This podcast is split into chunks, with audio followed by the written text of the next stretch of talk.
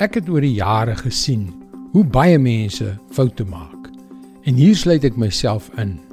Ek het nie probleme met eerlike foute nie, maar daar is twee dinge waarmee ek wel 'n probleem het. Luiheid en oneerlikheid.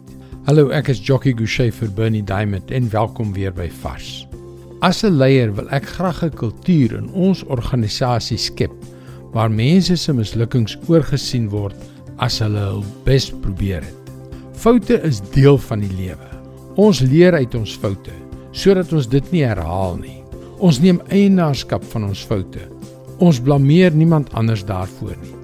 Ons staan op en beweeg aan. Maar luiheid is iets wat ek eenvoudig nie kan verdra nie. En tog is dit iets wat jy al te dikwels by gelowiges sien. Mense sê baie maklik: "Wel, ons is almal broers en susters. Dit gaan alles oor liefde. Ek kan maak wat ek wil." Maar dit is beslis nie wat God van ons vra nie. Ons sien in Romeine 12 vers 11: Moenie in julle toewyding verslap nie. Bly altyd geesdriftig. Dien die Here. Josef in die Ou Testament het baie hard gewerk te midde van so baie onreg en teëspoed, maar hy het sy gawes telkens tot eer van God gebruik. Jy sou Jesus nooit as lui kon bestempel nie, né? Nee?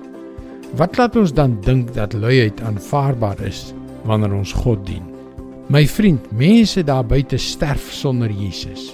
Hulle moet van Jesus hoor. Jy het gawes en vermoëns wat die res van ons nie het nie. Gawes en vermoëns waardeur God kragtig kan werk om mense na homself te trek. Kan ek die vertaling uit die boodskap van daardie vers vir jou gee? Romeine 12 vers 11 Moenie vir een enkele oomblik verslap in julle diens aan die Here nie.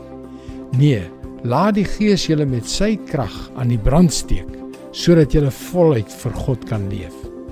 Dien die Here met groot oorgawe. Moenie lui wees as dit by God kom nie. Dis sy woord vars vir jou vandag. Soos hulle sê, as die skoen jou pas, trek hom aan.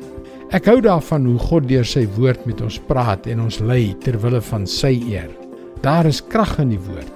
Dis hoekom ek jou graag wil aanmoedig om ons webwerf varsvandag.co.za te besoek. Daar is baie om oor na te dink om jou te help op jou reis tot 'n betekenisvolle verhouding met God. Skakel weer môre op dieselfde tyd op jou gunstelingstasie in vir nog 'n boodskap van Bernie Diamond. Mooi loop. Tot môre.